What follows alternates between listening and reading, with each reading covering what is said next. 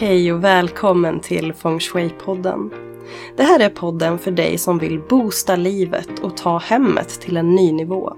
Jag heter Therese Skog och är certifierad Feng Shui-konsult och jag är din guide genom Feng Shuins magiska värld.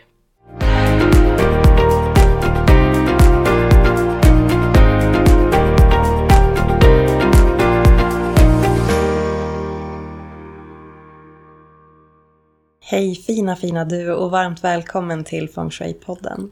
I det här avsnittet ska du få möta en av de kanske främsta färgexperterna vi har, Sara Garanti. Sara var den som bland annat gjorde huvudutställningen på Formex i år, i januari. Eh, hon har varit med och hjälpt till med färgsättningen i Pernilla Wahlgrens villa och hon har gjort så många fantastiska jobb. Sara har jobbat 15 år som inredare och hon har utbildat sig extremt mycket inom just färg och färgers påverkan. Och hon har frivilligt läst typ alla studier som går att läsa om just färger och färgers påverkan. Och Sara besitter en sån enorm kunskap. Så det är så fascinerande att möta henne. Och hon jobbar ju inte bara med inredning och färg och färgsättning, utan hon är dessutom medial.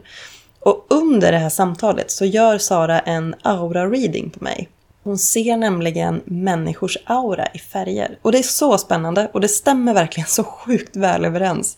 Så Sara jobbar alltså med aura readings, hon jobbar med frekvensterapi och vad det är för någonting kommer vi att prata mer om i det här avsnittet. Och vill du läsa mer om Sara så länkar jag såklart till hennes hemsidor och kontaktuppgifter och så i avsnittsbeskrivningen.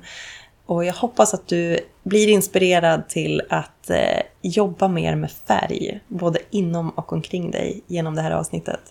Tack Sara för att du ville vara med. Och vi har nämligen gjort så att det här avsnittet kommer dessutom att släppas i både Feng Shui-podden och i Saras egen färgpodd.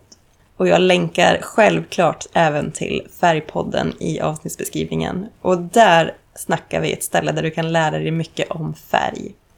Så tack Sara för att jag fick träffa dig och tack till dig som lyssnar. Nu kör vi!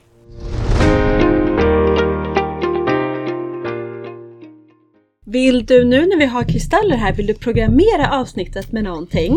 Sätta en intention? Ja, jag vill ju att, eh, att det här avsnittet ska bli en härlig stund och att det kommer att uppskattas av rekordmånga.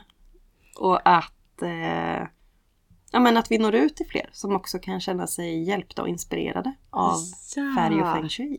Jättebra intention. Tänker jag. Superbra, den kör vi på tycker jag. Ja, låt det här avsnittet inspirera hur, så många som det bara går.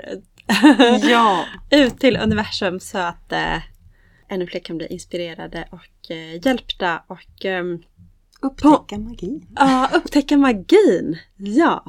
Upptäcka universums magi. Och jag tänker att vi, vi startar. Jag säger mm. varmt välkommen till Feng Shui-podden, Sara Garanti. Tack så mycket och varmt välkommen till Färgpodden, Therese Skog. Tack så mycket. Vi gör ju två flugor på smällen här. Ja, vi tänkte det var ju bra. Ja, det är jag tänker tidseffektivt och sjukt sjukt eh, intressant. Ja, mm. jag har ju aldrig hört någon göra det här tidigare. Nej, inte jag heller. Nej, så vi kommer ju alltså då släppa samma avsnitt i varandras poddar. Ja, hur bra! Så kul! Och jag får alltid frågor om feng shui, nu kan jag knappt uttala det här. så uh, jag tänker att det här blir hur bra som helst. Mm. Och jag tänker också med feng shui som jag säger då, men jag har sagt feng shui också innan jag liksom utbildade mig om man säger. Eh, så jag får ju också väldigt mycket frågor om färg färger mm. kopplat till feng shui. Och jag tycker att det är så spännande. Du gör ju så många olika saker, framförallt med röda tråden färg. Eller färgglada tråden kanske. Mm. Precis. Så jag är jätteglad att jag får komma hit och träffa dig idag. Ja, och idag sitter vi på Ulla Moon som är en kristallbutik i Stockholm där jag eh, jobbar med auraläsningar och frekvensterapi två dagar i veckan. Så spännande! Och det är ju så härlig miljö här så jag tänker på det här med bra feng shui. Kom in och kika i Ulla och se liksom harmonin. ja precis, det är egentligen min första fråga. Vad tycker du om feng shui här? Just rummet vi sitter i nu eh, Lite mycket kartonger. Nej, men vi de- sitter alltså i backoffice där vi har alla lagret. Ja, men, nej, men jag tycker att det är jättehärlig, en jättehärlig lokal, jättefint inrätt och det känns liksom, det är en, en god plats att vara på. Mm. Det skulle jag säga om Feng Shui här. Vad tänker du själv när det kommer till färger och inredning? För du jobbar ju också som inredare sedan många år tillbaka. Så du har ju verkligen erfarenhet på området. Ja, precis. Men jag har jobbat som inredare över 15 år och jag brukar säga att det finns ju liksom alltså olika färger för olika rum och um, för olika tillfällen. Mm. Så jag tycker att här på Lemund så har de verkligen lyckats bra med ja, men färgvalen och estetiken till vad, det, vad syftet är här. Precis. Och det är ju just att skapa en lugn, harmonisk, inspirerande plats. Mm. Eh, och också en eh, trygg plats. Mm. Och jag tänker det kan man ju se. Jag ser ju likheterna mellan hemsidan, deras sociala medier, flödena där, röda tråd, alltså färgerna kommer ju igen även i butiken och det är väldigt lite pastelligt och liksom och om jag kopplar det till feng shui så är ju den här ljusrosa tonen är ju väldigt tröstande Mm. och trygg. Liksom. Verkligen fint och härligt. Mm. Ja. Hur går vi vidare? Nu, men jag tänker så här, vi kanske kan säga så här, eh, ja men först kan inte du bara berätta vem du är och vad du gör och vad är feng shui? För det undrar alla mina lyssnare och jag. Mm. Kan vi äntligen få en bra sammanfattning på vad det är? Jag ska göra mitt bästa. Eh, men som sagt, Therese Skog heter jag. Går under namnet Skog Living i sociala medier. Och jag är certifierad feng shui-konsult. Eh, och vad är då feng shui som jag säger? Det är allt för mig. Alltså feng shui handlar om energier. Det handlar om att skapa harmoniska energiflöden. Det handlar om att leva i harmoni med din omgivning. För allt hänger ihop.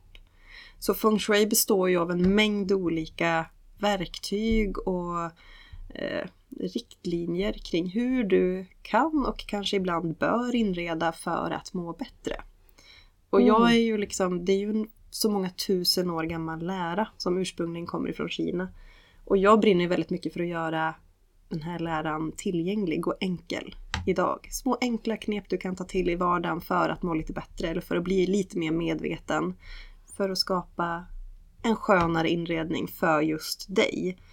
Eh, Jag tycker liksom inte att vi ska hålla på med massa pekpinnar för det finns ingen universal lösning kring hur vi ska ha det. Mm. Visst, det finns forskning som idag visar att färger och så, vissa färger påverkar oss på olika sätt och vissa miljöer men vi är samtidigt olika individer med olika behov. Mm. Så vad är feng shui? Eh, ja, en mängd olika verktyg och kunskap om hur du skapar sköna miljöer att vara i. Mm. Men det är just kopplat till miljöer. Främst, för du sa att det fanns liksom massa olika saker inom Mm. feng shui. Men är det mest miljöer eller finns det andra grenar också inom feng shui? Det finns det. Mm. Eh, feng shui är ju en livsåskådning eh, och kan kopplas till astrologi, till månen, till solen, till universum, till eh, livet, personligheter. Så att feng shui finns överallt och det är därför jag Wow. säger att feng shui är allt för mig. Gud vad spännande! Alltså där skulle man ju också bara vilja grotta ner sig ännu mer och prata Ja, liksom, om vad det har med astrologi att göra. Men det får nästan bli ett annat avsnitt. Eller kanske ett avsnitt i Ulla Moon-podden. De pratar ju mycket om astrologi. Ja.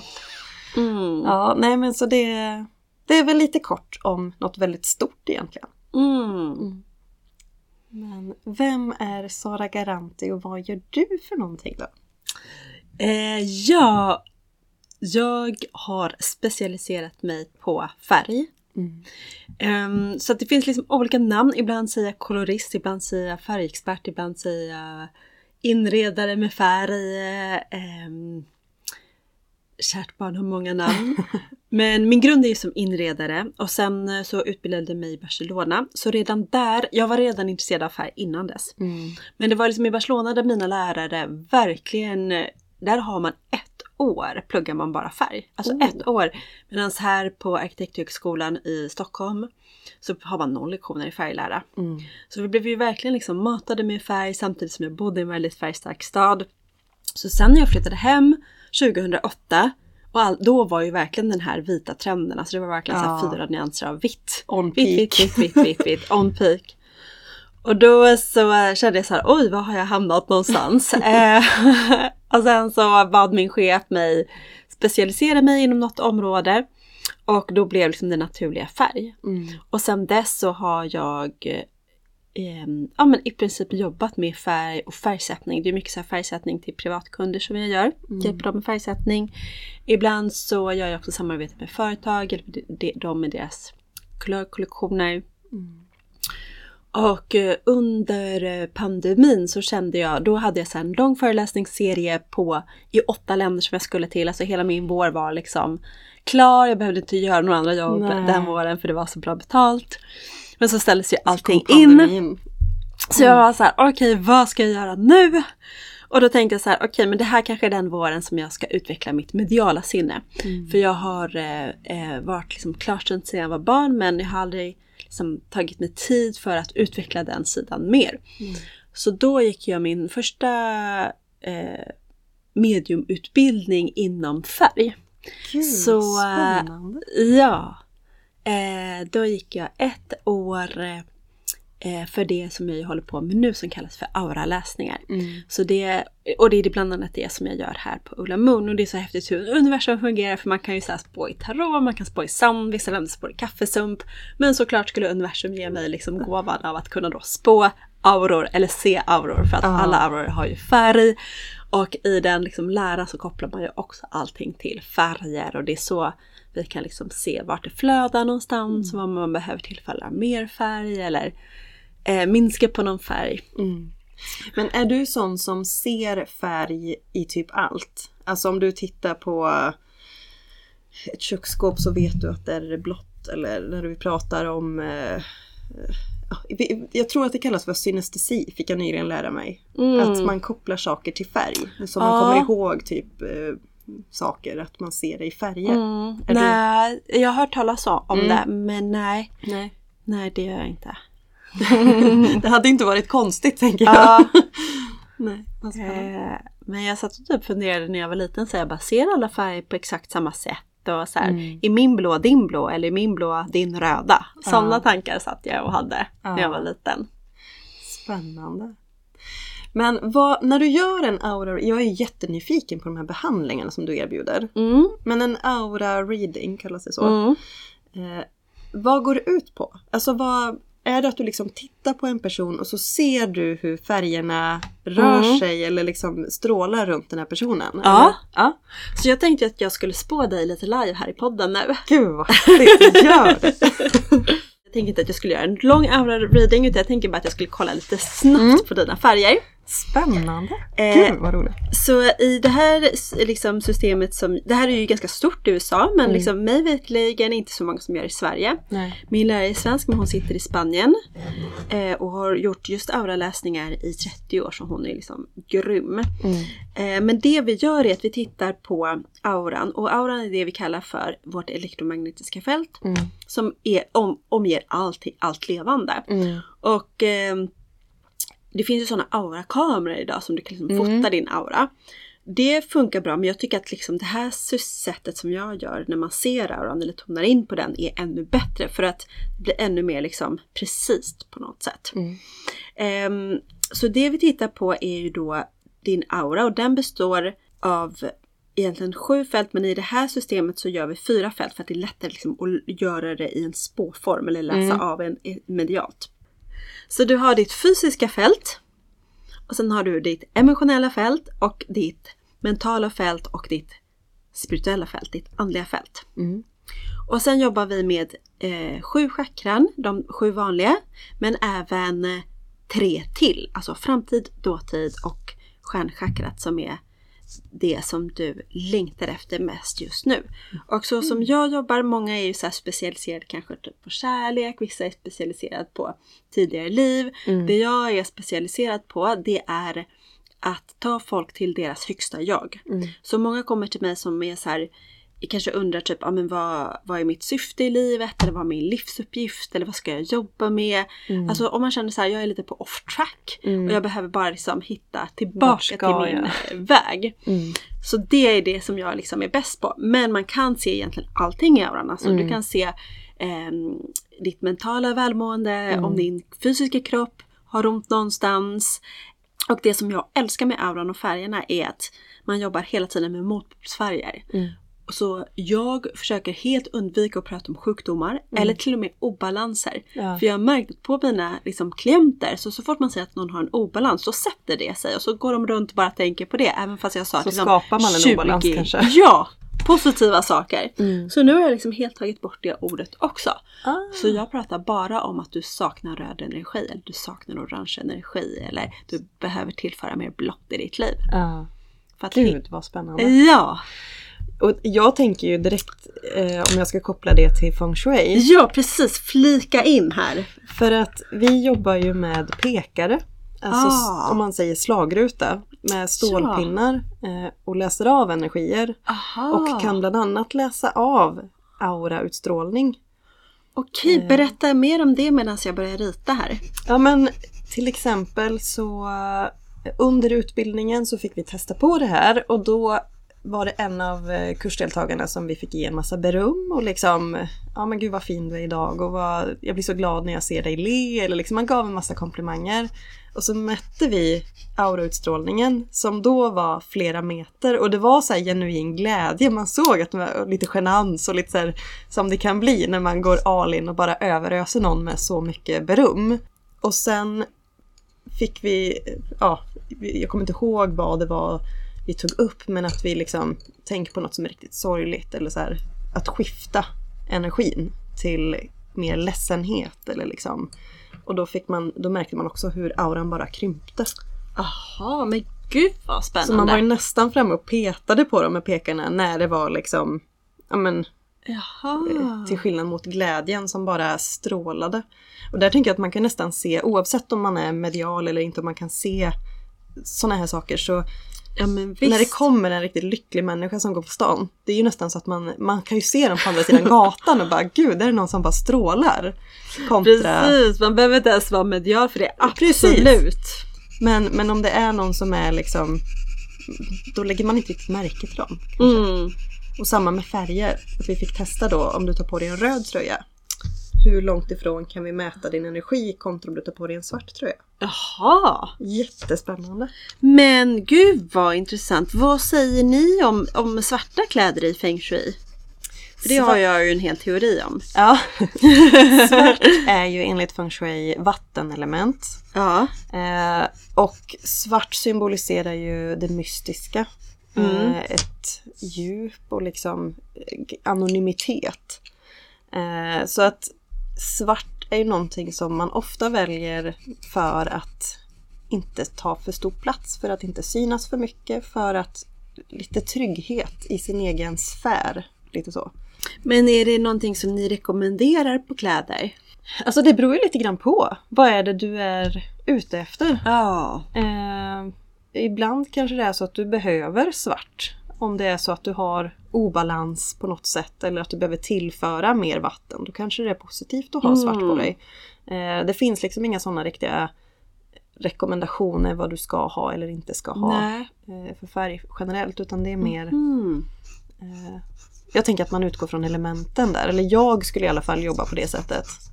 Ja men berätta mer om de här elementen. Är det liksom huvuddelen eh, i feng shui? Eller om man kan säga så. Det är ju ett av de mest grundläggande verktygen inom feng shui skulle jag säga. Mm. Eh, och det går att applicera på allt ifrån inredning till personlighet till eh, ja, men allt egentligen. Mm. Eh, och de består ju av trä, eld, jord, metall och vatten. Mm. Eh, och representerat. Man kan säga att det är feng shuins färg och formlära. Okej. För allt är något element eller olika element. Men det beror på vad vi tittar på och vad vi jämför med. Ja, Det okej. kan vara materialet som är ett element, formen är ett annat element, färgen är ett tredje element. Och då vill man liksom balansera de här elementen i ett rum. Mm. Då gissar jag. Okej. Man vill ha alla elementen representerade. Men I alla rum? Ja, Jaha. i alla stilleben, i alla rum. Beroende på vad vi tittar på. Ja. Eh, Men det behöver inte vara att, att du har fem olika färger. Nej. Utan du kan ha, säg samma färg, men du har olika former och olika material. För att ändå få in alla element. Hmm. Så det är ett väldigt stort verktyg. Det är väldigt liksom, många olika delar. Och då om man har alla element så uppnår man då den här balansen. Mm. Är det liksom så man tänker? Precis. Okej. Och många gånger när man pratar inredning, när det skaver, alltså när det Mm. inte känns riktigt, då är det kanske att det är överslag på något element. Kanske för mycket metall, det är för mycket vitt och grått och pasteller. Då behöver vi kanske bryta av med en grön växt eller eh, levande ljus. Eller, alltså, man behöver Ah, tillföra. vad är levande ljus? Är det eld? Ja, så ja.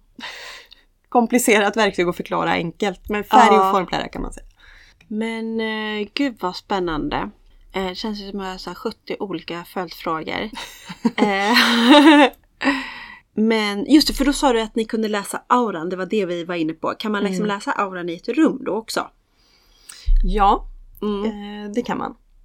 Sen är inte det någonting som jag själv har jobbat jättemycket med. Men Mm. det kan man. Men pratar man då om, för jag brukar ibland prata om att vissa saker eh, eller vissa rum känner man att man går in där och så känner man att ja, men här höjer jag min energi av att vara här. Eh, och sen vissa rum så sänker en energi. Mm. Mm. Så är det absolut. Och jag tänker också att man pratar inom feng shui att ditt hem har en själ. Varje Mm. byggnad har en själ. När du lägger på ett tak så bygger du in energier i huset eller i Ah. byggnaden. Eh, och ett rum som ständigt blir dränerat eller gör att hemmet dräneras, det är ju till exempel badrum. Ja. När man har direkt kontakt med avloppen och toalett som bara suger energi sakta men säkert hela tiden. Så där behöver vi jobba mer med att få upp energin för att inte förlora för mycket energi. Okej, vad ska man göra då då? Tre tips.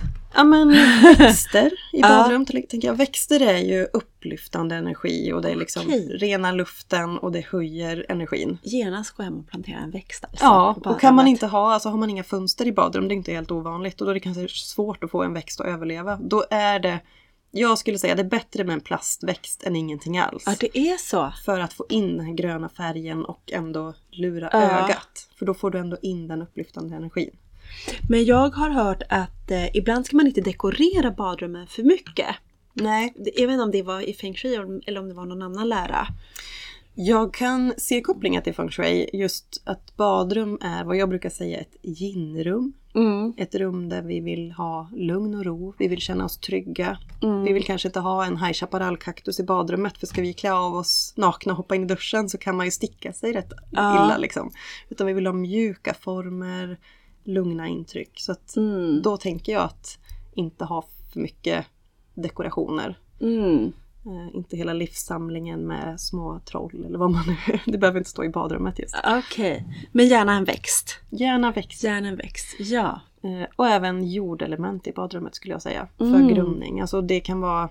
Lägg in en jutematta till exempel. Okej, Jag tänker ja. tillföra brunt eller beige jordelement. Ja, det är ju populärt nu med beigea badrum. Mm. Och det är ju positivt just för att badrum är ofta överslag på metall och vatten. För vi har Mm. ofta vita badrum, metall, alltså kanske badkar. Åh, som är som gjorda- inte har vita badrum. Det blev ju jag glad över Ja. genast nu här. Det är Hör jätte- ni lyssnare, här har jag äntligen ett bra argument varför man inte ska vita badrum. Mm. Nej men det är väl inget fel att ha ett vitt badrum så, men då måste du komplettera med så att du får in de andra elementen också. Okej. För det är också det Så som man är att behöver vi inte göra en hel renovering Nej. Men man får gärna göra det för det är mycket härligare med andra färger än vitt. Ah. Tycker jag.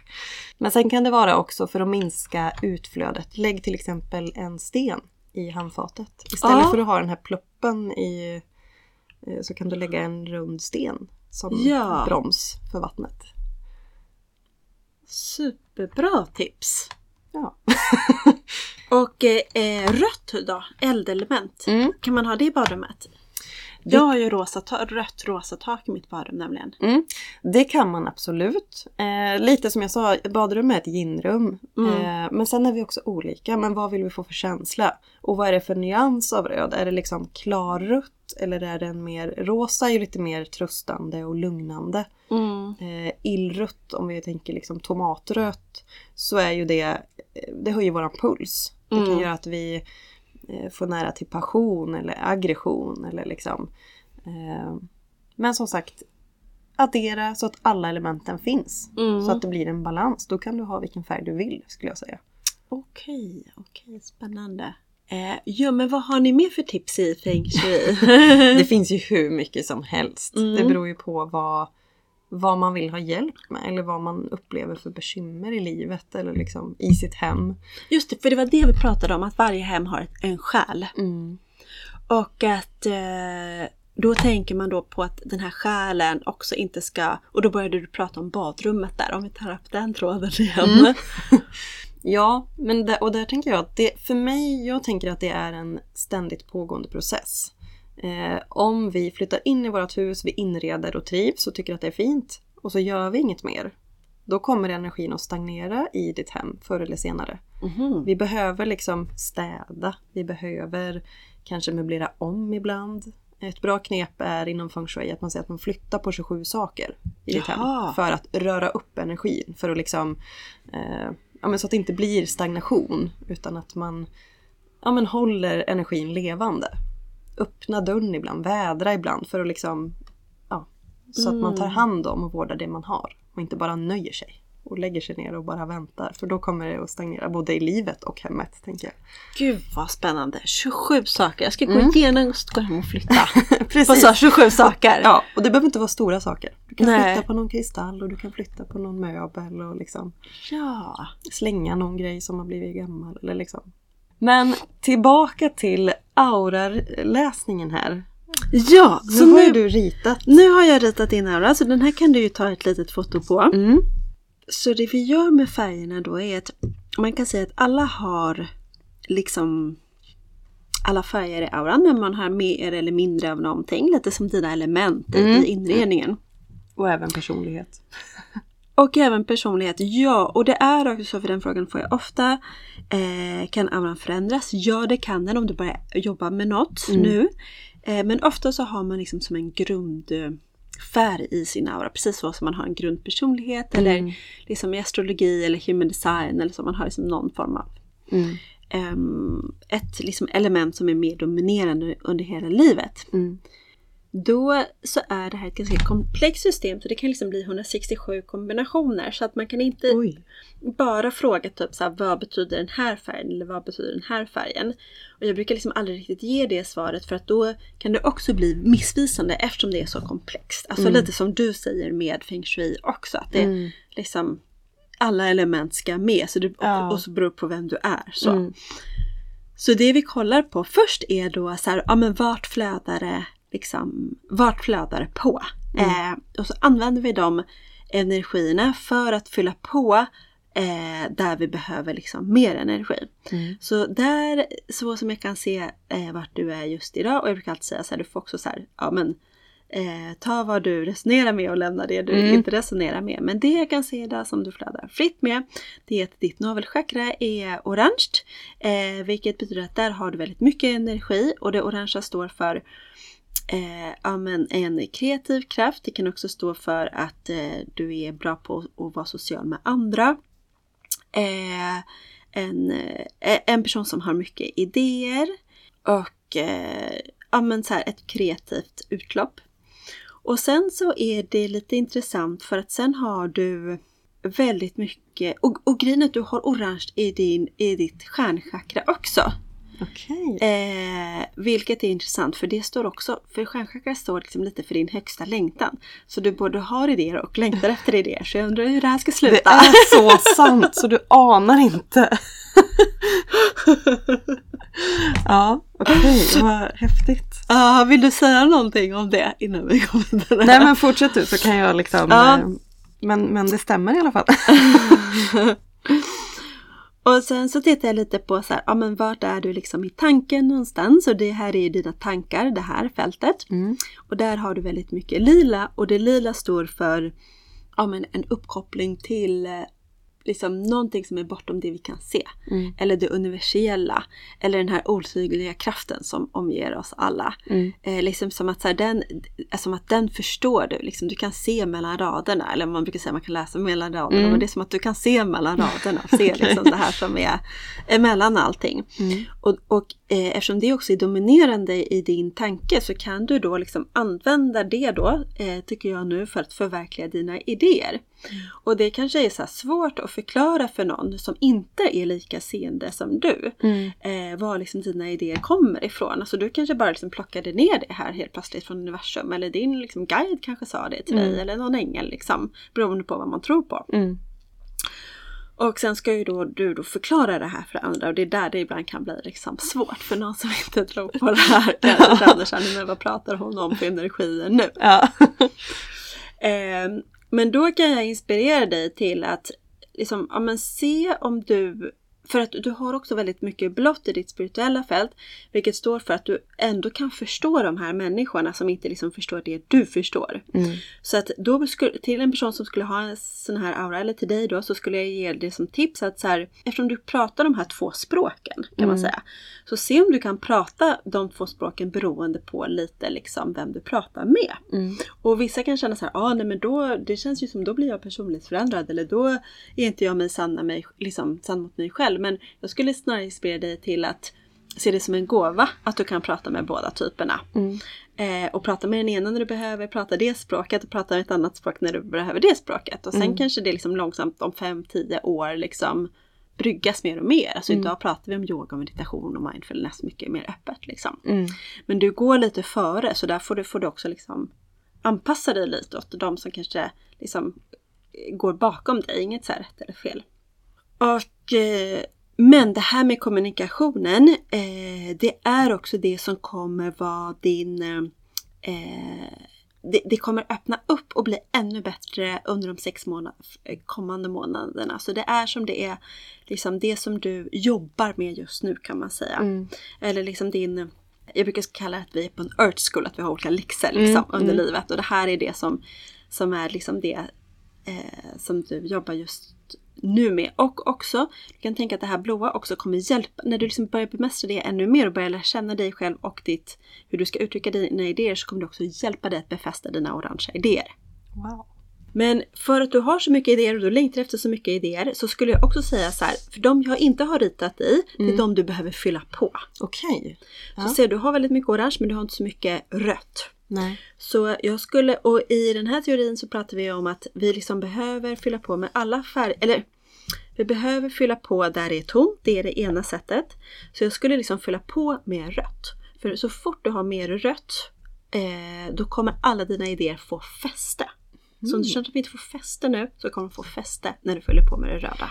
Och fylla på med rött, är det då till exempel att jag ska välja vad jag tar på mig för kläder eller vad jag väljer för färg, typ mitt röda badrum eller liksom Ja. att jag adderar färg Exakt! på mig och omkring Ja. mig så. Mm. Så jag brukar säga att du kan ha färgerna på dig. Mm. Eh, alltså på kläder. Mm. Och då är naturmaterial det bästa. Mm. Men har man inget i naturmaterial så det näst bästa. Eh, du kan äta röd mat. Mm. Eh, men röd mat är också grundande mat. Och nu är det ju sommar så nu kanske man inte är supersugen på rotfrukter. men det är också röd Tomat. mat. Ja, tomat. Och sen kan man ha det då på kristaller.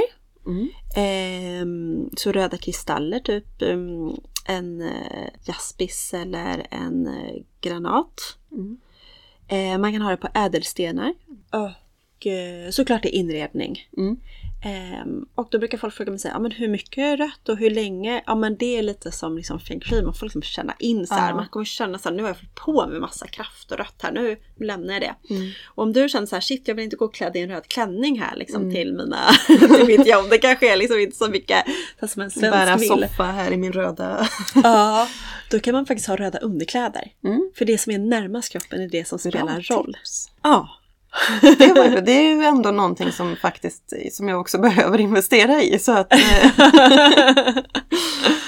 vad komiskt också att du säger just rutt.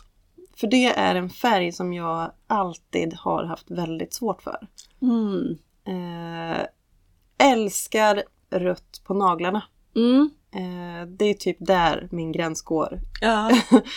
älskar rött på alla andra. Ja. Men jag har jättesvårt för rött själv. ja. Eh, samma med typ rött läppstift. Eller liksom, jag tycker att det är så fint. Men Mm. jag trivs inte. Och det kan ju verkligen vara sådär ibland att man känner sig, men jag passar inte det eller jag Mm. trivs inte i det eller så. Och det är alltid lika roligt, det slår nästan aldrig fel att den färgen som man då inte gillar, det är ofta den man saknar. Ja. För att du har ju aldrig på dig den Nej, liksom. precis. Och jag äter den aldrig heller. Så äh, ja, då kan man ha det på typ en kristall till exempel, Mm. brukar jag rekommendera. Här på Ullamun har de ju jättefina kristaller. Mm. Eh, så, för då kan man ha den i, i fickan, eller på en ädelsten. Mm. Och faktiskt ädelstenar och kristaller är faktiskt ännu bättre än att ha på sig det. För att tänk sen när du tar av dig din tröja då, går, då har du inte kvar färgen i auran. Nej. Men en kristall stannar kvar ungefär tre dagar i auran för att det är ju energi. Ah. Så kristaller bär ju högre energi än naturmaterial. Så liksom du kan se att det påverkar auran under längre tid. Wow. Ja, jag måste ju handla innan jag åker hem. Det är Ah. Spännande. Så fylla på med rött. Och alltså det stämmer så himla väl. Allt det du säger. Både det här om att jag har så många idéer och samtidigt att jag vill Liksom, jag har så många idéer som jag vill få utlopp för som jag inte riktigt varken har formulerat själv men jag, jag det min chef beskrev min hjärna som en bikupa. Och det är lite så. Det finns Ja. så mycket som svärmar där inne. Ehm, och också att prata två språk. När jag utbildade mig inom feng shui, jag har verkligen försökt att lära mig att anpassa mitt språk om feng shui beroende på vem jag möter eftersom Mm. många tycker att det är väldigt flummigt och svårt att liksom förstå. Mm. Eh, Så när jag riktar mig mot företag till exempel så pratar jag mer neurodesign. Mm. Pratar mer forskningsbaserat resultat och rekommendationer kopplat till Mm. vad feng shui säger. För att de köper inte astrologi, uträkning här som heter flying stars. Eller liksom, Ah. Utan då, då anpassar jag ju mitt språk mer. Ja. Eh, Ja, Tack, vad spännande. Ja, men varsågod. Och det sista jag bara ska säga med det är också att det här med språket. Att eh, i och med att det är det som du också jobbar med just nu så kan du tänka att eh, i, i eh, min tradition så pratar man mycket om fisken och vattumannens tidsålder. Gör man någonting om det i feng shui? Mycket möjligt. Jag måste Ja. ärligt erkänna att när det kommer till just astrologidelarna så är jag inte riktigt så aktiv i mitt... Eh, Det är inte det du tyckte var roligast? Nej, men det är lite svårt. Ja, jag. Eh, så det är mer, och, och jag tänker när det kommer till feng shui, för det är så enormt stort. Eh, så det är som att jag, jag rör mig i olika delar av feng shui, lite grann kanske beroende på vad jag själv behöver. Mm. Så grottar jag ner mig i en bagua eller Ja. en, alltså olika verktyg inom feng shui. Så att jag är inte riktigt där, inte just nu i Nej, alla fall. jag Eh, förstår. Så att det är mycket möjligt, det vågar jag Mm. inte uttala mig om. Men, vad Men- innebär det då? Så vi pratar mycket om, eh, det finns olika namn för samma sak. Vissa säger 3D, 4D, 5D, vissa säger Mm. Vattumannen, Fiskarna. Mm. Eh, Jag har liksom massa andra varianter också. Men Mm. liksom kontentan av det är då att att universum, alltså jorden är också en levande varelse och utvecklas också i, Mm. liksom en, i sin energi. Och då eh, därifrån skiftet 2011-2012 så gick, och det här sker bara var 26 000 år, så gick jorden in i en ny frekvens Mm. i Vattumannens tidsålder. Innan dess har den varit i Fiskarna. Och Fiskarnas tidsålder handlar om så här hierarki, makt, strukturer, inboxat, inrutat, liksom man följer en ledare. Mm. Medan då sen 2011 så är det en annan energi på den här jorden, alltså det är en annan frekvens. Mm. Och den frekvensen kan vi då människor välja om vi vill liksom tappa in på eller inte. Men den frekvensen handlar mycket mer om community, göra Mm. saker tillsammans, samarbete. Det är inte längre det här toppstyrda utan vi lär av varandra, eh, vi förstår varandra mer. Eh, och man kan se det lite på de här nya barnen som kommer också, som nu är liksom 10 år, alltså alla de som föddes efter Ja. 2011. Att de är också så här, nej, men de ifrågasätter läraren, varför ska vi göra så här? Och Ja. De vill liksom veta och vill ha svar. Och så var det inte när jag gick i skolan utan liksom, det var ingen som ifrågasatte, man bara gjorde det man blev tillsagd. Precis. Ja. Och i och med att vi har nu liksom ändå levt 10 år i den här nya tidsåldern så det är ändå liksom, vi, vi är i en liten väg in men det är fortfarande liksom många år kvar. Men eh, alltså innan liksom fler och fler har tappat in på den här nya energin. Eh, men du kan tänka att det kommer bli liksom lättare och lättare och lättare att kommunicera det för Mm. dig. Och det kommer bli, eh, om du liksom pratar två språk nu, det kommer inte alltid vara så. Det var det som jag ville säga. Utan Mm. du kommer liksom kunna prata det språket eh, som är liksom, vad man ska kalla det för. Jag vet inte om du vill det men alltså det kommer bli lättare för dig att Mm. prata det ena språket och de som inte förstår idag kommer förstå mer i framtiden. Mm. Så. Det är min förhoppning, jag hoppas Ja. det. Eh, nej men vad spännande. Och där tänker jag det här med här tidsåldrarna. Inom feng shui så har man ju de kinesiska horoskopen. eh, ja. de här djuren. Eh, så att nu så är vi ju i...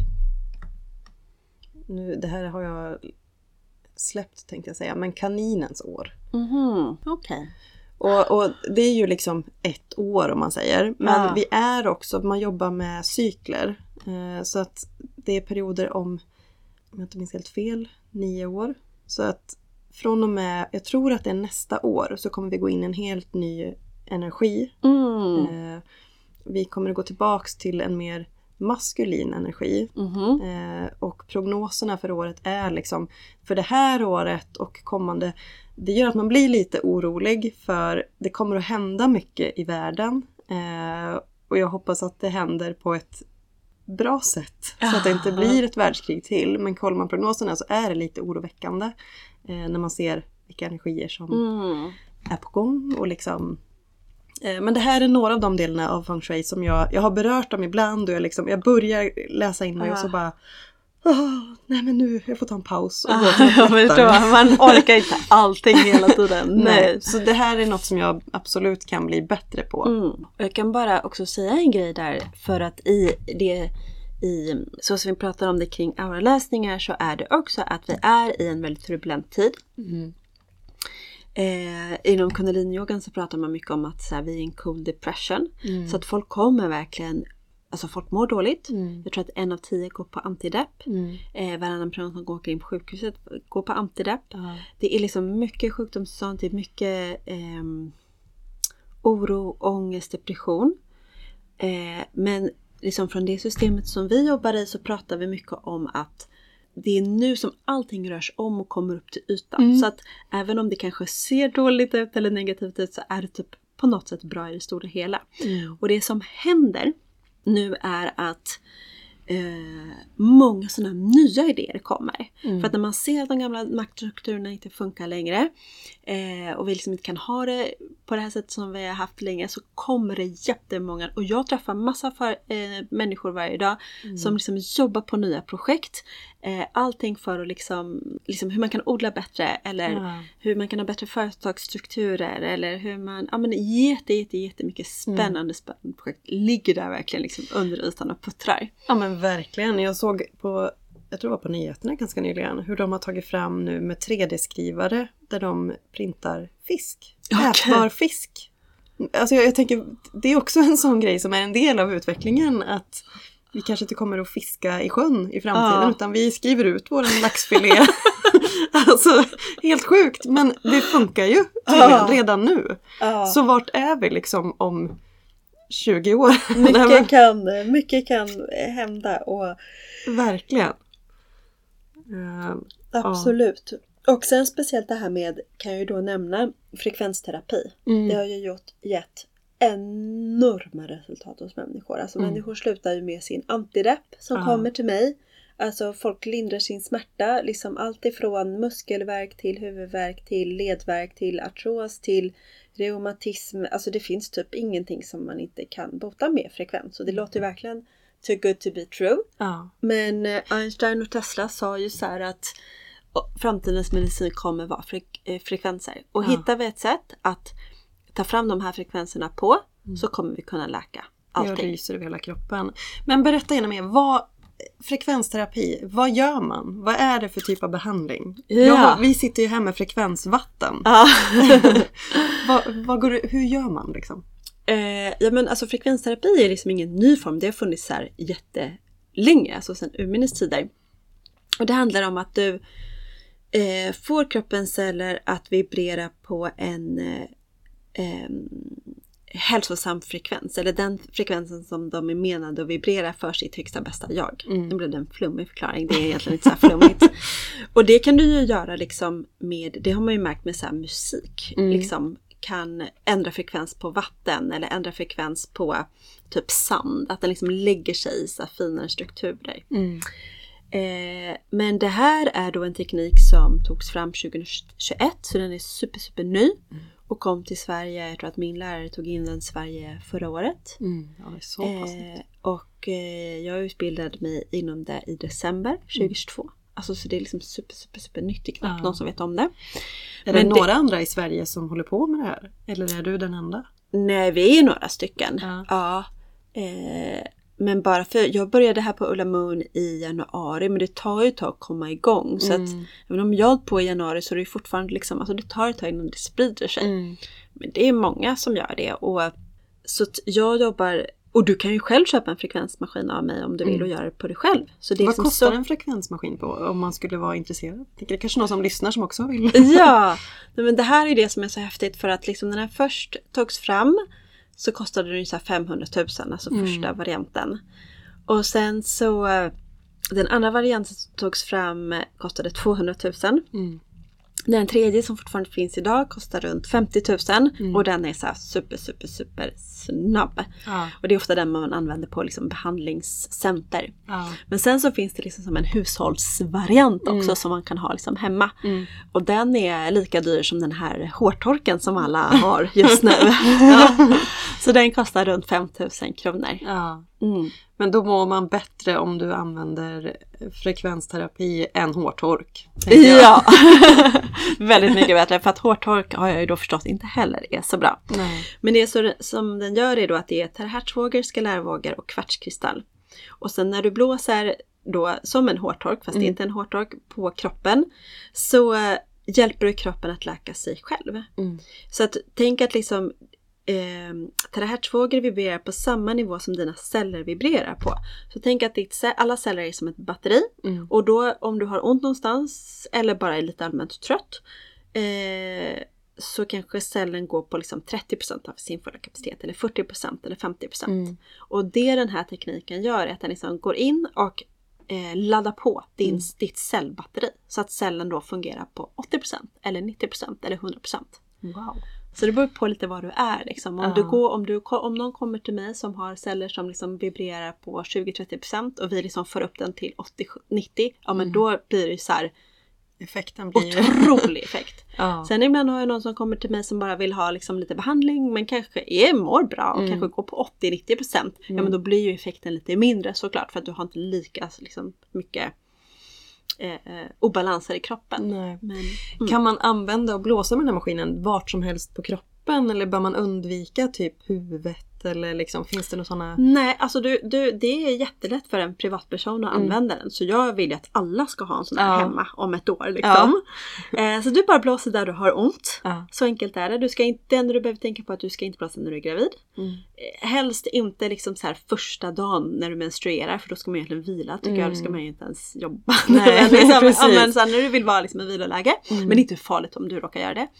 Och sen om du har några metaller i kroppen. Så att typ om du har opererat knät och fått in liksom några så här spikar och skruvar och så. Då ska du Precis. inte blåsa på metallerna för det är så kraftfullt. Så när du Ja. blåser på metallerna så kan metallerna hettas upp och det vill vi inte. Nej. För den liksom hettar ju upp cellerna i kroppen. Gud vad häftigt. Men Ja. har du liksom metaller i knät, du kan fortfarande blåsa på magen till Mm. exempel. Så.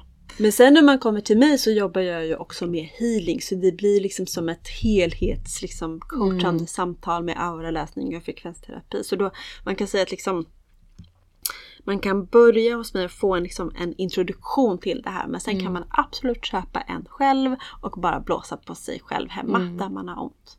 Gud vad häftigt. Om man skulle vara intresserad av att köpa en sån här, vart säljer du såna eller vart vänder man sig för att köpa en eh, frekvensterapimaskin? Ja, nej men jag säljer dem Mm. och då är det, alltså min eh, inredningssida heter ju Sara Garanti. Mm. Men min sida som jag har lite mer healing på och eh, auraläsningarna heter myaura.se. Ah, jag tänker att jag länkar till det i Ja. avsnittsbeskrivningen också. Så är det någon som är nyfiken och vill läsa mer så kan man klicka sig direkt in på Mm. Ja. Jättespännande. Och det här får mig också tänka på jag sitter bara och tänker på så här hjärntrötthet, hjärntrötthet bara för att jag själv har en historia av eh, utmattning Mm. eh, eller depression. Och en konsekvens av det har ju varit att jag blir, alltså stänger min hjärna ner, då stänger den ner. Eh, Mm. Då är det godnatt liksom, för resten av dagen, kanske resten av veckan. Nej men liksom, kan det hjälpa mot en sån grej? Att eh, jag tänker att det är väl mina celler som inte orkar. Eh, Absolut. hjärncellerna. Ja. Och eh, det var det jag också skulle säga. Så att det blir också väldigt kraftfullt. Alltså man kan bara blåsa där man har ont. Men om man jobbar med kinesisk medicin och meridianer och chakran. Då blir det liksom, då får du gånger tio. Mm. Så att om, du, om jag skulle liksom göra en behandling på dig. Då skulle jag nog blåsa på kronchakrat tror Mm. jag. Så uppe på huvudet tänker jag för Ja, dem som... uppe på huvudet precis. Mm. Och sen så skulle jag blåsa på dina handleder. Mm. Där finns det väldigt bra punkter. Mm. Och massera dina fötter lite och göra på dina anklar. Mm. De, de fyra punkterna till exempel. Ja, men det, ja, du får testa. Se om det hjälper. Jag brukar alltid säga så här, man får testa. Ja men så är det. Jag, Ja. Och jag är ju nyfiken. Jag inser att jag måste ju komma tillbaka. Eh, och vi har ju mer att prata om. Tiden går ju så himla fort. Ja! Ehm, Men jag tänker på det med färgsättning och när vi ändå pratar om hälsa och liksom Mm. eh, Är det några särskilda färger som är extra bra för oss när det kommer till just hälsa och välmående? Alltså kan vi hjälpa oss själva mildra depression, ångest, oro, alltså med hjälp av någon specifik färg eller Ja, och det här tycker jag är så kul för här tänker jag att vi ska få fylla i varandra lite när vi går igenom de Ja. olika färgerna. Så ja, det finns där. Mm. Eh, men lite så som eh, jag gjorde nu på din auraläsning så är det ju också att eh, det finns vissa färger men sen beror det ju också på vilka färger du behöver. Mm. Så kan man säga. Men om man liksom går ifrån auraläsningen lite och bara går nu då till färgterapi. Mm. Så brukar jag liksom förklara det som att ja, men alla färger är ju olika ljus Mm. som är olika frekvenser. Mm. Så att liksom färg, jag ser färg som frekvenser. Inte Ja. liksom som färg. Utan så färgen är här för att hjälpa oss människor i det här Mm. livet. Och ehm, jag brukar säga liksom att biologiskt sett så påverkar färger oss på exakt samma sätt över hela jorden. Mm. Men det som gör färglära så extremt komplext och svårt och försvårar mitt yrke, det är det här med kultur och trend. Ja. Så beroende på vilken kultur du har vuxit upp i så kommer du liksom ha en prefer- preferens kring en färg. Mm. Till exempel i Kina så älskar man rött. Alltså där säger du bara rött så får du komma in genom dörren. Ja. ja men jag kommer ihåg att mina kompisar som jobbar med skyltning på H&M, de har ju helt andra skyltar i Kina. Mm. Alltså på H&M Kina än vad de har här. Ja, där gör de är så. allting i rött typ. Ja, Ja, och alltså här är det vita skyltar. Ja. Ja. Ja, det är jättespännande. Eh, Medan liksom grönt i Kina betyder ju otur. ja, jag vet. Så även om då grönt är lugnande, alltså över hela jorden, så är det liksom kulturellt betingat som en otursfärg. Och Mm. jag föreläste ju för Hongkong, Mm. för arkitekter i Hongkong. Ja. Och så frågade ju de mig så här, vilken färg ska du ha på sjukhus? Och då sa jag ju grönt, alltså jag var inte tillräckligt påläst. Nej men de skickade ju hem mig direkt. Ja. Så där kanske jag skulle sagt blått istället, som Mm. också är en lugnande färg men inte har den här kulturella betydelsen Mm. av otur. Mm.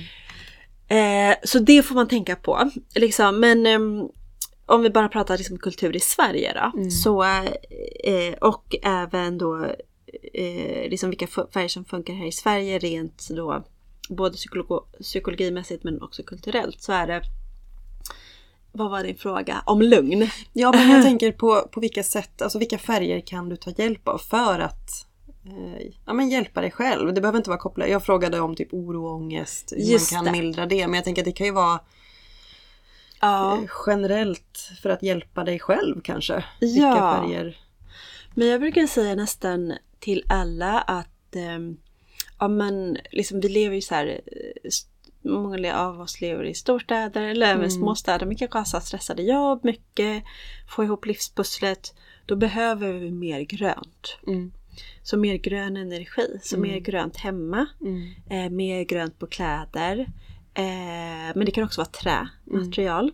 Naturmaterial. Mm. Eh, men även blått, för även blått är liksom lugnande. Men mest skulle jag ändå säga att det är liksom grönt för avkoppling. Mm. Eh, det kan också vara liksom beigea toner egentligen. Mm. Ehm, är väldigt mycket bättre än de här liksom, vita som har varit. Alltså jag är Mm. mycket gladare för den beigea trenden än för den vita trenden. Mm. För den gör att vi blir lite mer um, slappnar av mer i våra miljöer. Mm. Ehm, ja. Ja, för det tänker jag om jag kopplar det till feng shui så är ju vitt är ju metallelement. Mm. Kan i viss mån fungera avstressande. Är du väldigt stressad så kan Mm. det vara kännas skönt att kliva in i ett vitt rum. Det blir lite som att ta en kall svalkande dusch. Mm. Men samtidigt så kan det också göra dig stressad. Mer Mm. stressad. Så har du liksom Är du väldigt stressad och kanske har varit det länge och omger dig med allt det här vita så är det, för det är också, när man pratar yin och yang, så är det yang, den aktiva Aha. energin. Aha. Vi behöver, om du är väldigt stressad så ska du söka dig till yin, det lugna, för att liksom lugna dig Just själv. det. Och vitt är verkligen yang i dess yttersta bemärkelse. Man tänker yin och yang som Jaha. symbol så Just är det ju just det. vit och svart. Ja. Så det du egentligen kanske ska söka dig till är inte det kritvita utan hellre svart då. Sen kanske inte svart, det är ju liksom ja. en ytterlighet. Så jag tänker mer beige, jordiga toner. Ja. Som du säger, grönt. Ja. eh, Blått. Alltså, Just det. Intressant. Ja men vad kul att få höra din take. Och just det, och brunt också glömde jag säga för det lugnar nervsystemet. Mm. Brukar vi prata om. ja. Ehm, mm. Men sen brukar vi också prata om att sen är det också så otroligt komplext. Så har man till exempel för mycket brunt då kan det också stagnera. Mm. Då behöver man flytta på sju saker. Precis. om man har mycket brunt hemma då är det flytta på saker Mm. ofta. Ja, men det, och det, det går verkligen hand i hand med feng shui. Mm. Eh, för brunt är jordelement. Och jordelementet har en, en energi som drar sig neråt mot marken, grundande. Mm. För mycket brunt, för mycket jordelement gör att vi stagnerar. Ja. Så Ah, Mm. okej. Det här är var så spännande. Ja, ska vi ta nästa färg? Mm. Eh, så en annan sak så, till exempel, nu, nu hittar jag på en fråga här. Så mm, om man vill liksom känna lugn, då skulle jag säga, är det grönt hos er också förresten? Det sa jag, frågade jag aldrig.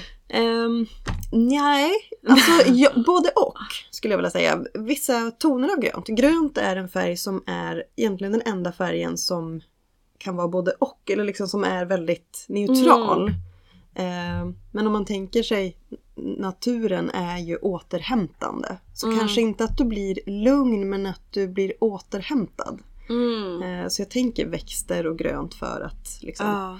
det är väldigt bra för barn, alltså för, för utvecklingen och liksom att Mm. tillväxt. Eh, men jag skulle nog mer kanske gå på rosa eller beige eller brunt eh, Mm. för just lugnet. Okej. Eh, så det är ju en Ja. både likhet men också en liten skillnad Just i... det. Eh, Beige och brunt och rosa. ja, Ah. Och kanske lite blått som också kan vara svalkande. Men där är det också Mm. sådär, för där pratar man om att tillför du för mycket blått eller lila till exempel, Mm. eh, som är vattenelement, som också är lite det här mystiska, så kan det också vara så att har du tendenser till depression till exempel, Mm. så kan det förstärka ångest och depressiva tankar om man får Mm. för mycket av det här blåa. Ja, exakt så säger vi också. Ja. Ja, att det blåa är lugnande. Det kan få, få dig att koncentrera dig bättre Ja. för att du blir lugn. Men får du för mycket blått så kan du också liksom övergå i Mm. de, liksom oro och depression. Mm. Mm. Men det tänker jag också är med alla färger. Ja. Alltså en färg i för stor dos. Mm. Ingenting är bra i för stor dos utan det pratar man ju också balans. Ja. Liksom. Men eh, jag ska också bara flika in här med rosa. Du ska få säga, eller vad, berätta lite mer om rosa så ska jag berätta om rosa sen.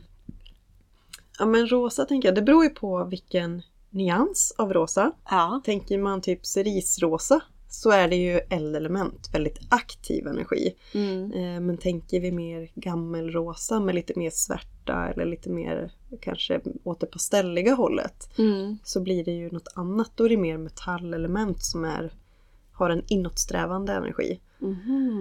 Eh, Så det beror på vilken nyans och det beror på vad vi jämför med. Ja. Men, men rosa generellt står ju för moderlighet och tröst. Eh, Så ett knep är ju att ha en rosa filt. För att när du drabbas av sorg eller ledsenhet så är det som att krypa tillbaks i mammas famn eller till och med tillbaks till mammas livmoder. Eh, att man pratar om det rent symboliskt. Det är väldigt bra Ah. tröst. Gud vad jag lär mig. Ja. vad, vad tänkte du säga om rosa då? Eh, jo men vi pratar också om, absolut som du säger, såklart olika nyanser. Eh, och cerisrosa och den här ljusrosa är ju verkligen två olika. Det är liksom, Cerisa blir ju mer aktiv, lite mer liksom som den röda energin. Men just den här mjuka rosan, alla toner som är lite mjukare i rosa toner så um, brukar vi prata om att det är en så här, em, pos- väldigt positiv färg. För att liksom vi säger att den står för den universella kärleken. Och det, och det kan verkligen vara den här liksom, av en tröst från en mam, liksom mamma. Eh, det modliga men också det här liksom, det, det omfamnande, det varma. Men också det här lite så här fnittriga och Ja. lite så här busiga. Och um, eh, ibland eh, när man har till exempel mycket blått i auran eller är väldigt mycket allvar eh, liksom i sitt allvar så brukar jag också så här, rekommendera rosa för då får man upp liksom så här livsglädjen lite. Ah, eller lite så här bubblig fint. energi. Och jag älskar rosa, jag tycker liksom alla borde ha mera rosa just för att så här, det är så oroligt i världen. Liksom. Ja, Vi så, ja. Så på med rosa så får man upp den här energin. För att i det vi pratar om är hela tiden att alltså, du attraherar det du liksom, den frekvensen du vibrerar på. Så att vi vill höja energin så mycket som möjligt hela tiden. Utan att gå runt och vara liksom helt höga hela tiden. Men i och med att det är tungt nu liksom, i den här tidsperioden så behöver vi alla mer rosa. Ja. ja men och det tänker jag också att rosa är ju väldigt avdramatiserande. Alltså det är svårt att bli skitförbannad när du är, rå, är liksom omger dig med det rosa. Ja, Mot om du hade omgett dig med illrutt eller liksom väldigt ah, skrikiga Ja. färger. precis. Så, så jag tänker att... För, för jag vet att jag lyssnade på någon föreläsning när du pratade om... Eh, det var någon tunnelbanestation Ja, eh, som är röd ja. med grönt eh, nertill, va? eller grönt tak. Eh, grönt Eh, nertill. ner till, ja. Eh, att det liksom statistiskt är där flest slagsmål sker. Ja. Fatta om man hade haft en rosa härlig tunnelbanestation istället. Alltså ihop med det gröna. Ja men 100 procent. Eh, och, och att det är svårt att slåss när det liksom är babyrosa. Exakt. Och jag vet inte om du har hört talas om Baker och Miller Pink. Det är ju de här två fängelsedirektörerna Ja, ja, ja. Jo, det har jag Ja. hört talas om. Ja, ja, som gjorde rosa fängelser och Ja. när fångarna blev lugna. ja. Ja men och det där, alltså det är ett stort mål för mig att komma tillbaks till kriminalvården men inte som frivårdsinspektör den här gången utan Ja. jag vill hjälpa dem att förändra miljöerna för de intagna. Wow, Eh. vilket mission! Ja men alltså jag tänker nu är det liksom oftast på de flesta ställen Mm. vita små rum. Ja. Eh, många som sitter där bär på svåra trauman som kanske har klaustrofobi och liksom det, ja, men de är ju redan i en eh, beroendeställning. Eh, och liksom i underläge. Mm. Och om man då kunde avdramatisera och liksom möta dem med färg så skulle det vara helt fantastiskt. Ja. Jag har liksom hört att det där Baker Miller Pink då, eh, för er som inte vet så är det två fängelsedirektörer i USA som jobbade på ett högriskfängelse och gick till en eh, färgkonsult för att se om det var någon färg som skulle få fångarna att inte bråka så mycket och bli lite lugnare. Och då kom de fram till den här rosa som just då är döpt efter fängelsedirektörerna och därför heter den Baker Miller Pink. Man kan googla på den. Den är liksom lite så här mjuk rosa men ändå inte jätteintensiv men ändå ganska intensiv. Och, eh, och jag tror att så här, för, alltså, bråken gick ner med så här 50% eller Mm. någonting. Och så blev det här liksom superpopulärt. Så det var ju liksom, det är flera fängelser i Europa som har kopierat det här. Mm. Inte i Sverige. Nej, jag vet. Tyvärr. Inte än i alla fall. Och sen är det många som också, för grejen är att det finns ju så här en, alltså det här med forskning kring färg är ju, det liksom finns jättemycket forskning men det är som att viss forskning inte heller når fram eller når ut och det finns liksom, det är så omdebatterat allting. Och det är svårt att forska på att liksom bara sätta den i ett rosa rum och ett rött rum för som du säger, allting är komplext och det handlar om balans och det handlar om vem du är och allt sånt. Så Ja. det är ju super, super svårt. Men liksom rent generellt så har man ändå kunnat se att det här faktiskt har hjälpt liksom. Fångarna. De blir försvagade liksom. Ja, ja, men precis. det är ändå lugnande för dem. Mm. Och då har den här Rosa också liksom fått kritik i vissa artiklar. Men jag tycker så här, det där är en kritik liksom. Det finns ju alltid så olika sidor av allting. Eh, men då är det som att det finns eh, liksom vissa som är så här, nej men det där, det där funkar inte eller det där stämmer inte. Men om man bara kollar på hur många fängelser som ändå har liksom kopierat det här och som det funkar för så tänker jag så här, det ligger någonting i den där rosa färgen. Jag tänker också det. Och lite som vi pratade om, det finns ju inte en universallösning som funkar för alla. Men det ökar ändå chanserna att det blir ett mer behagligt klimat. Mm. Och jag tänker också, det märker man ju bara på de nästan tio åren som jag var i kriminalvården. Hur klimatet blev hårdare och hårdare. Mm. Respekten, den som man, jag upplevde att man fick och hade gentemot klienter och liksom Mm. den blev ju, alltså dagens kriminella har inte den respekten. Mm. Förr pratade man tjuvheder, det finns inte längre. Nu skjuter de på anhöriga, det, liksom, det gjorde du inte förr. Det var, utan ska du göra upp, då gör du upp med den som är kriminell, Mm. inte med den kriminelles mamma eller pappa. Ah, Men de som kommer nu har ingenting att förlora, så de skiter ju i det. ah. Och därför blir det också extra viktigt att skapa förutsättningar för att jag menar, ett avväpnande klimat som gör att... Mm. Ja, så jag... jag Du har ett life mission här hör ja jag. men verkligen! Vart börjar man? Ah. Ja. Okej, men tillbaka lite till färgen. Jag blir också gärna väldigt nyfiken. Vi har pratat om blått och grönt och rosa. Mm. Eh, vad säger man om liksom gult och orange? Gult och orange. Eh, de flesta toner av gult och orange skulle jag säga är jordelement. Mm. Eh, de mest brandtonerna av färgerna blir eldelement. Mm. Eh, men det är ju också väldigt eh, pos- glädjande färger, glada Mm. färger. Eh, positiva för socialt umgänge. En jättebra färg att ha i till exempel kök är ju orange. Mm. Stimulerar matlust och liksom vill man äta mindre då har man blåa tallrikar och vill du äta mer så har du liksom till exempel. Mm. Eh, så ja men Jag har ju orange i min matsal. Vad, vad skulle du säga om det? bra val. Ja. Ja, men det, det stimulerar det sociala eh, och som sagt matlusten. Så det är ju en perfekt färg Mm. att ha. Och det tänker jag också när man tänker på en så här mysig restaurang och gå och sätta sig på. Så är de ju ofta väldigt varma och murriga i färgerna Mm. också.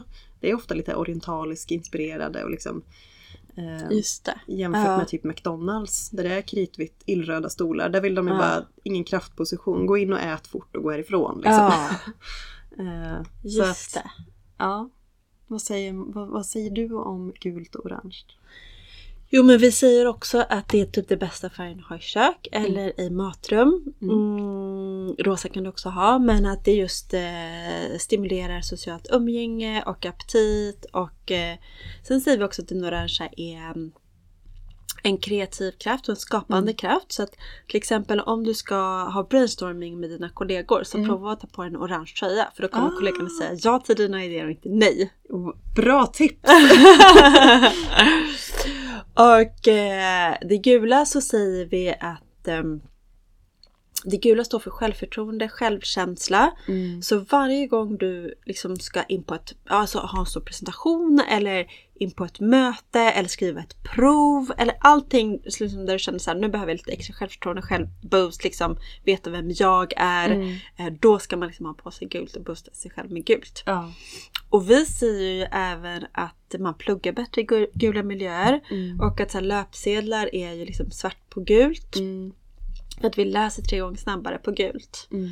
Så liksom, det är ju för intensivt att ha ett så här knallgult rum. Men så här gula post-it-lappar eller överstrykningspennor eller någon liten kopp sådär när du pluggar. Det är liksom Mm. super, super bra. Mm. Eller ha ljusgult rum, det kan man ju ha. Mm. Men det, vi, det är liksom, som inredare så är det svårt att lyckas med gult på väggar. Mm.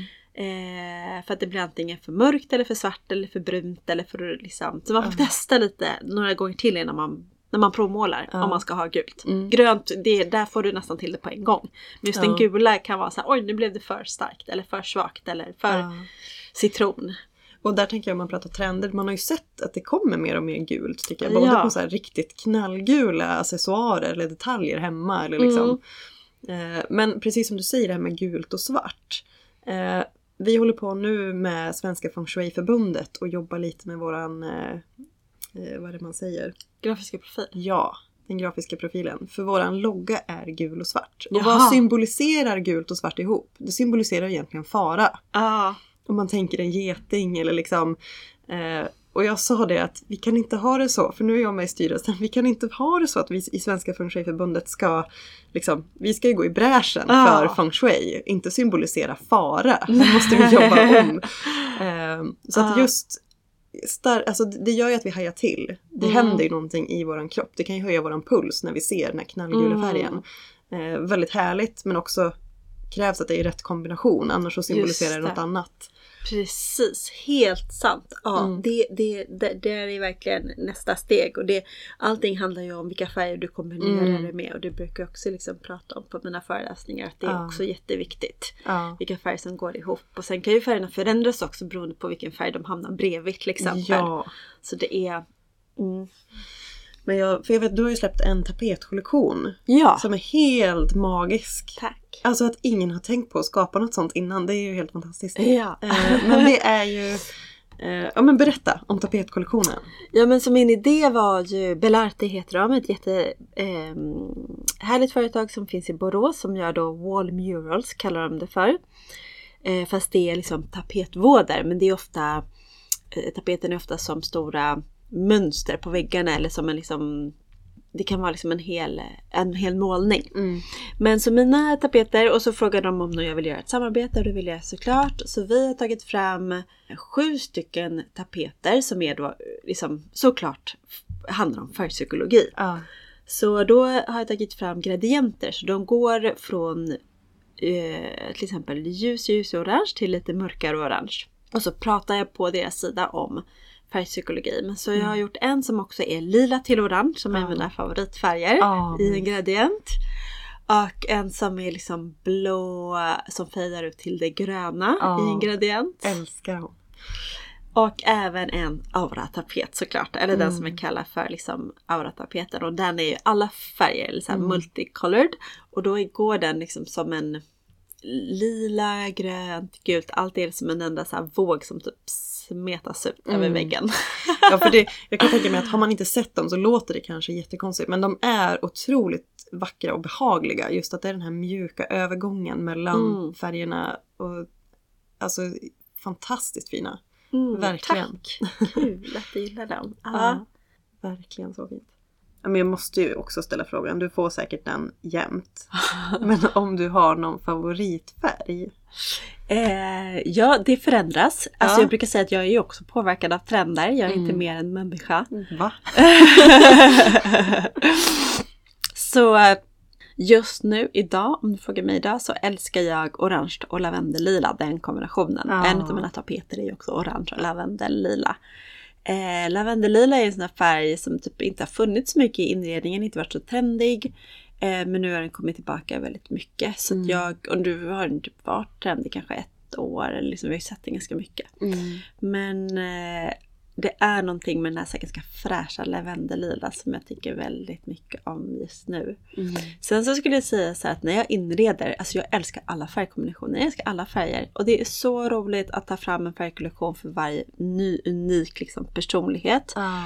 Eh, för att det är liksom färgkombinationen i sig som jag älskar, inte liksom just specifikt kanske en färg. Utan Mm. det, jag tycker det är väldigt kul att hitta liksom nya färgkombinationer för nya personer. Mm. Ehm, ja, så skulle jag säga. Har du någon favoritfärg? Ja men alltså jag är ju... Jag älskar och har alltid älskat. Eh, även om det också ändras, precis som du säger, så har jag också perioder med... Men något jag alltid backar tillbaks till är grönt och blått. Mm. Så jag älskar ju den tapeten som du har med just det här gröna och blåa. Ja. Men jag, jag älskar alla de tapeterna. Eh, men gillar också just nu orange och rosa mm. som kombination. Så eh, det är det jag gillar för stunden. Men Mm. i grunden så är det alltid kanske lite mer åt det gröna än det blåa. Men någonstans däremellan. Liksom, det är mina Ja. Ja. Så nu har jag efter sju år äntligen målat om vardagsrummet och då blev det grönt. Ja. Jag ville, ha, jag ville skapa min egen skog. Lite så. Ah, Eh, fint! Ja, passande till ditt namn också. Ja, precis. Så eh, nej men det är nog det som... Mm. Mm. Vad säger du? Ska vi Ja, men det var bra. knyta ihop Knyta säcken? ihop säcken. Ja. Då har jag egentligen en sista fråga då som jag vill ställa. ja. Och det är om du fick uppfylla en enda önskan här och nu. Vad skulle det vara? Oj, wow, gud vilken bra fråga. Eh, jo, men jag har ju en jättestor önskan. Och, eh, och ett mission. Och det är att eh, varenda person på den här planeten ska må bra, hitta sitt syfte. Och eh, leva i harmoni med sig själv och allt annat levande i alla dimensioner. Wow! Då har du att göra ett tag. Jag vet, jag har stora, stora mål och stora drömmar. Ja, det ska man ha. Eh, och om jag får ställa samma fråga tillbaka till dig, Mm. måste jag ju då göra. Mm, jag misstänkte att den kunde komma, jag har faktiskt inte förberett något svar. Ehm, nej, men jag svarar nog eh, som jag gjorde när jag blev intervjuad i någon podd tidigare, jag kommer inte ihåg vart det var, men att jag har en dröm om att kunna bidra med pos- någonting positivt på denna jord utan att göra någon större skada på miljön och liksom på andra. Mm. Ehm, Jag vill gå på ett inspirationståg genom världen och bara kunna strössla inspiration och glädje. Eh, och så hoppas jag att det tas emot väl och att, eh, ja, men att jag inte förstör någonting på vägen liksom, för miljön och världen. Så. Mm. så lite åverkan som möjligt men så mycket glädje och inspirationsströssel som möjligt. Ja. Wow, vad fint! Tack! Ja men tack själv! Tack så jättemycket för att du kom och gästade Färgpodden. Ja, och tack för att du ville vara gäst i Feng Shui-podden. Och tack till er som har lyssnat. Jag hoppas att ni har fått en massa härlig inspiration om både färg och Feng Shui. Så hoppas jag att vi kanske hörs igen framöver. Hej då! Hej då!